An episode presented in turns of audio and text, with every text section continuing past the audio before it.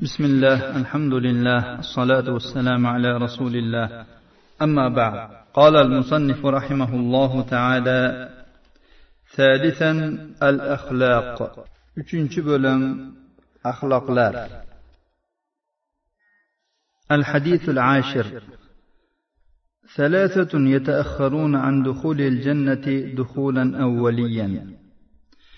10 hadis uch toifa kishilar jannatga avval boshda kirishdan kechikadilar عن ابي بكر الصديق رضي الله عنه عن النبي صلى الله عليه وسلم قال لا يدخل الجنه خب ولا بخيل ولا منان abu bakr siddiq roziyallohu anhudan rivoyat qilinadi nabiy sollallohu alayhi vasallam dedilar jannatga aldoqchi baxil va minnatchi kirmaydi.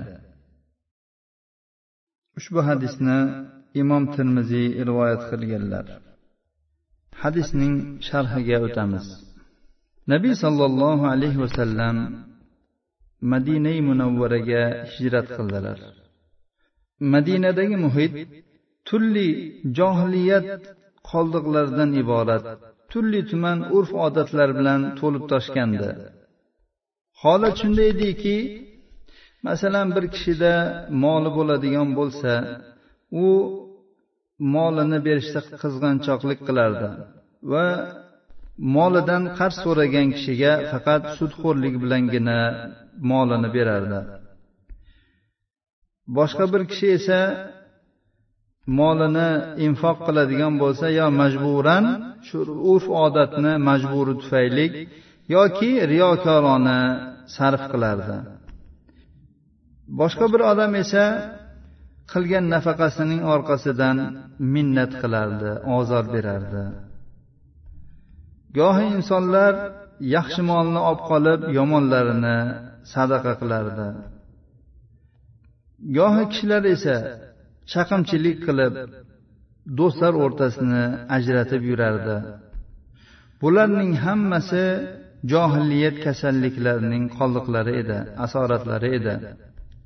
Mana shu ishlarni qilayotgan kishilar alloh taoloning yo'lida xolis infoq qilayotgan kishilar bilan yonma yon amal qilishardi. Har ikki toifa insonlar ushbu madina muhitida o'ziga xos payg'ambarona bir ko'rsatmaga va ularning hayotlarini qolipga solib qo'yadigan qonunlar va tizimlarga va hamda ularni to'g'ri yo'lga yo'llab qo'yadigan robboniy bir yo'llanmalarga ehtiyojligidir edi. moliyaviy ishlar burchlarni yuklatish va farz qilish bilan boshlanmadi balki qiziqtirish va ko'niktirish bilan boshlandi avval boshda ushbu oyat nozil bo'ldi مثل الذين ينفقون أموالهم في سبيل الله كمثل حبة أنبتت سبع سنابل في كل سنبلة مئة حبة والله يضاعف لمن يشاء والله واسع عليم mol dunyolarini ollohning yo'lida infoq ehson qilayotgan kishilarning misoli xuddi yettita boshoq chiqargan bir don misoli kabiki har bir boshoqda yuz dona bordir olloh xohlagan kishilari uchun ko'paytirib beradi olloh vasiun alim bo'lgan butun narsalarni ilmi bilan qamrab oluvchi zotdir. Shuningdek qalb kasalliklari ham qiziqtirish mukofotlash taqdirlash yo'llab qo'yish va nasihatlar bilan muolaja qilinadi. Rasululloh sollallohu alayhi vasallam aytdilarki sizlarni menga eng sevikligingiz eng axloqi yaxshilaringizdir. do'st bo'ladigan va do'st bo'linadiganingiz. sizlarni menga eng yomon ko'rilganingiz do'stlar o'rtasini ajratuvchi chaqimchilik qilib yuradigan kishilardir. Pokdomon kishilarga ayblarni izlab yuruvchi kishilardir. hadisimizning boshida keldiki hab hab degani aldovchi degani. Ya'ni odamlar o'rtasini buzib yuradi bu odam aldoqchilik qilib. Odatda aldoqchilik bilan sifatlangan odam baxil va qo'rqoq bo'lmaydi. Rasululloh sollallohu alayhi vasallam aytganlarki mo'minda ikkita xislat jamlanmaydi baxillik va yomon xulq. Bu hadisni sharhlab aytamizki bu hadisdagi mo'min kishida ikkita xislatning jamlanishidan murod ana shu xislatlar to'la ko'rinishda bo'lishi. Ya'ni shunday to'la ko'rinishdaki bu xislatlar bu odamni hech qachon ajralmaydi va bu odam mana shu xislatlar o'zida borligiga rozi bo'ladi. Bu suratda ya'ni ikkita yomon xislat mo'min kishida jamlanmaydi. Ammo gohida baxilligi tutib qoladigan yoki gohida e, masalan bad xulq undan sodir bo'lib qoladigan kishi va undan bu ishlar nodir ya'ni goh gohida sodir bo'ladigan bo'lsa u shu ish sodir bo'lgandan keyin nadomat qilsa va o'zini o'zi koyisa yoki nafsi ammolasi uni shu kabi ishlarga chaqirgan paytda nafsi bilan olishadigan bo'lsa bu hadisga kirmaydi. Bu inson mazkur hadisga kirmaydi. Mazkur hadisda haqiqiy baxil va yomon xulqli inson. Komil suratda. Demak aldoqchilik odamlar o'rtasida buzg'unchilik qilish do'stlar o'rtasini ajratish molida amalida duolarida baxillik qilish kabi yomon ishlar mo'min shaxsiyatga to'g'ri kelmaydi. Chunki mo'mindagi asl asos u saxovatli oliyjanob bo'lishidir. Abu hurayra roziyallohu anhudan rivoyat qilingan dedilar rasululloh sollallohu alayhi vasallam aytdilar mo'min kechirimli sodda saxovatli bo'ladi. Fojir esa aldoqchi laim bo'ladi badxulq bo'ladi. Ya'ni mo'min odam saxovatli bo'lganligi uchun unda o'ziga xos bir soddalik bo'ladi. Uning soddaligi johilligidan bilmasligidan emas balki dunyo matolariga bee'tiborroq bo'lganligidan u odam kechirimli bo'ladi. Fojir odam esa aldoqchi badxulq bo'ladi baxil bo'ladi va xulqi yomon bo'ladi. Mo'min odamning tabiati g'o'rroq bo'ladi va yomon ishlarni qilishlikka ko'p ham rag'bati bo'lmaydi. Yomon ishlarni qilishda ustasi farang bo'lmaydi va uni izlab ham yurmaydi.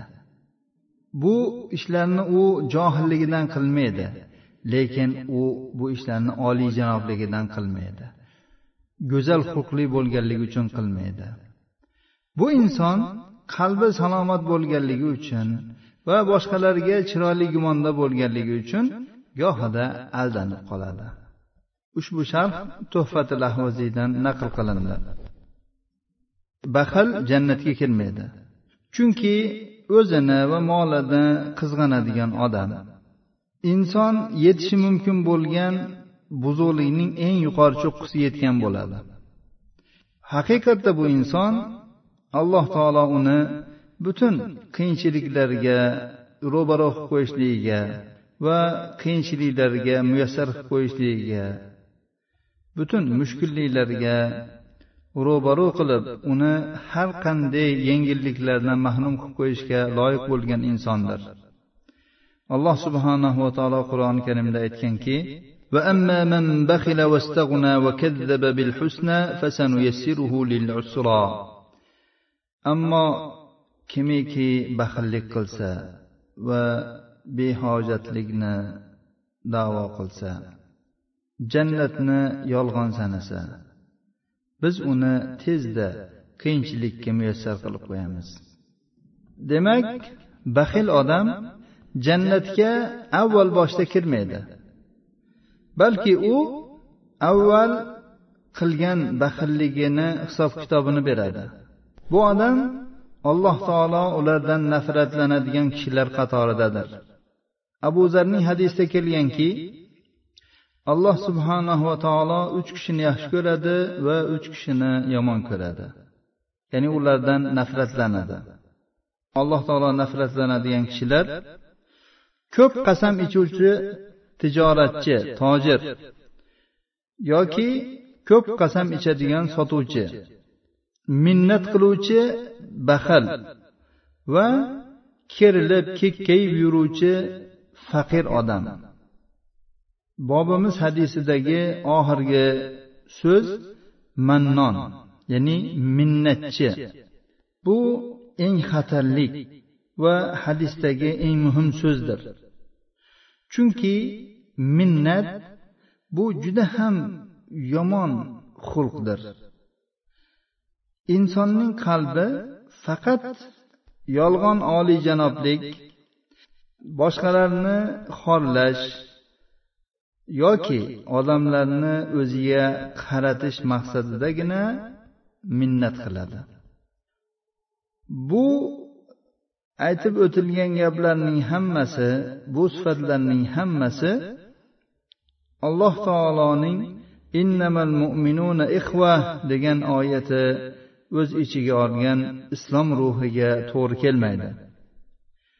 Va rasululloh sollallohu alayhi vasallamning ushbu so'zlariga ham to'g'ri kelmaydiki u zot aytganlar haqiqiy komil musulmon musulmonlar uning tilidan va qo'lidan salomat bo'lgan kishidir. So'ngra bu minnat sadaqani beruvchiga ham oluvchiga ham bab barobar ozorga aylantirib qo'yadi. Beruvchiga ozor bo'lishi uni qalbidagi kibrni paydo bo'lishidir. Minnat tufayli oluvchiga bo'lgan ozori esa uning qalbidagi hokisonlik mag'lublik va beruvchiga nisbatan haqd va g'ilg'ashlik aks sadosidir. Ba'zi psixologlar aytganlarki bu yerda ular insonni nafsini qalbini aytishyapti. Ya'ni musulmon mo'minni emas umuman insoniyatning qalbini qalbi haqida gapirishmoqda.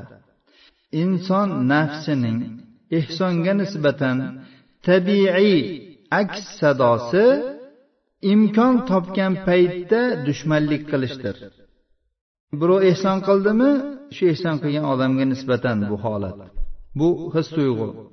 Chunki olayotgan odam berayotgan odam oldida zaiflik va kamchilikni his qiladi. Va mana shu his tuyg'u uni qalbini yemirishda davom etadi.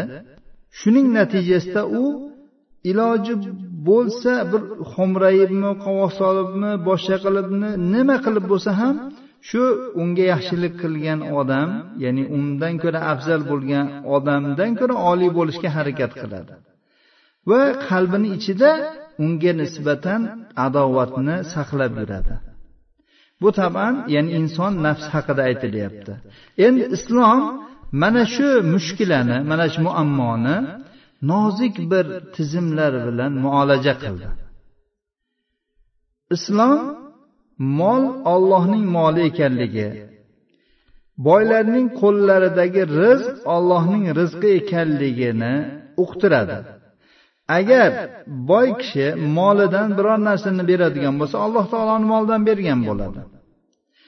Agar u birovga qarzi hasana bergan bo'lsa u alloh taologa qarz bergan bo'ladi. Alloh taolo unga buni bir necha barobar qilib qaytarib beradi. Shunga o'xshagan porloq tushunchalarga ushbu hadis ham ishora qiladi. Rasululloh sollallohu alayhi vasallam mana aytdilarki jannatga aldoqchi baxil minnatchi kirmaydi. Demak bu ham o'sha muolajalardan bittasi. Bu molni infoq qilish va sarflash hikmatini ochiqlab berish va ta'kidlashdir. chunki maqsad bu qalblarni poklash va qalblarni chiniqtirish alloh taolo aytganki قول معروف ومغفرة خير من صدقة يتبعها أذى والله غني حليم yaxshi so'z va kechirim ortidan ozor ergashadigan sadaqadan ko'ra yaxshiroqdir olloh behojat va halim zotdir chunki orqasidan ozor keladigan sadaqaga hech qanday hojat yo'q. Undan ko'ra bitta shirin so'z yaxshi. Undan ko'ra qalb jarohatlariga malham bo'ladigan uni ya'ni qalblarni rozilik bilan samimiylik bilan to'ldiradigan bir shirin so'z yaxshiroqdir. Va qalblardagi gina kudurotlarni yuvib tashlaydigan va uning o'rniga birodarlik va sadoqat hamdo'stlikni olib keladigan kechirim yaxshiroqdir. Mana shu ayni islomning o'zidir. Mana shu islom dinining ruhidir. Bu islomiyki innamal mu'minuna ixva deb aytgan. Hadisning fiqhi. Rasululloh sollallohu alayhi vasallam aytdilarki jannatga kirmaydi. Ya'ni jannatga kirmaydi degani abadul abad kirmaydi emas. Ya'ni avval boshda kirmaydi. Toki bu inson mana shu sifatdan pok bo'lmagunicha ya'ni yo tavba bilan shu dunyoda pok bo'ladi yoki oxiratda mana shu qilgan ishiga yarasha uqubatni oladi. Yo bo'lmasam e, alloh subhanahu va taolo unga faz marhamat qilib uni kechirib yuborishligi bilan ana undan keyin jannatga kiradi. Ushbu ma'noni alloh taoloning mana bu so'zlari ham quvvatlaydiki e, mirqotda mirqatda kelganidek e, ushbu ushbu ni keltirib aytganlarki biz ularning qalblaridagi g'illu g'ashliklarni sug'urib olib tashladik. Ya'ni alloh subhanava taolo shu narsalardan pok qilgandan keyin e, ana undan keyin jannatga kiritadi. Hadisdan olinadigan foydalar. Birinchisi ushbu hadis musulmon qalblarini aldoqchilik chaqimchilik makr hiyla baxillik minnatchilik kabi kasalliklardan davolamoqda. Va bu qalblarni mana shu illatlardan poklamoqda. Toki bu musulmon shaxs islom jamiyatini qurishlikka yaroqli bir g'isht bo'lsin. Ikkinchisi ushbu hadis insoniy his tuyg'ularni ko'taradigan va bularni bulg'amaydigan infoq qilishga chaqirmoqda. Infoqiyki ehsoniyki u biron kishini obro'si va sharafini kamsitmaydi va birovning his tuyg'usiga ham tegmaydi. Bu infoq shunday infoqiki u nihoyatda ochiq ko'ngillik va pok qalbdan sodir bo'ladi. Bu infoq faqat alloh taoloning roziligi uchungina qilinadi. Alloh subhanahu va taolodan ushbu hadisda o'tgan munkar axloqlardan bizni saqlashi va o'zining fazli marhamati bilan barchalarimizni oliyjanob saxovatli mo'minlardan qilishini so'rab qolamiz. Hada va sallallohu ala nabiyina muhammad va ala alihi va sahbihi vasallam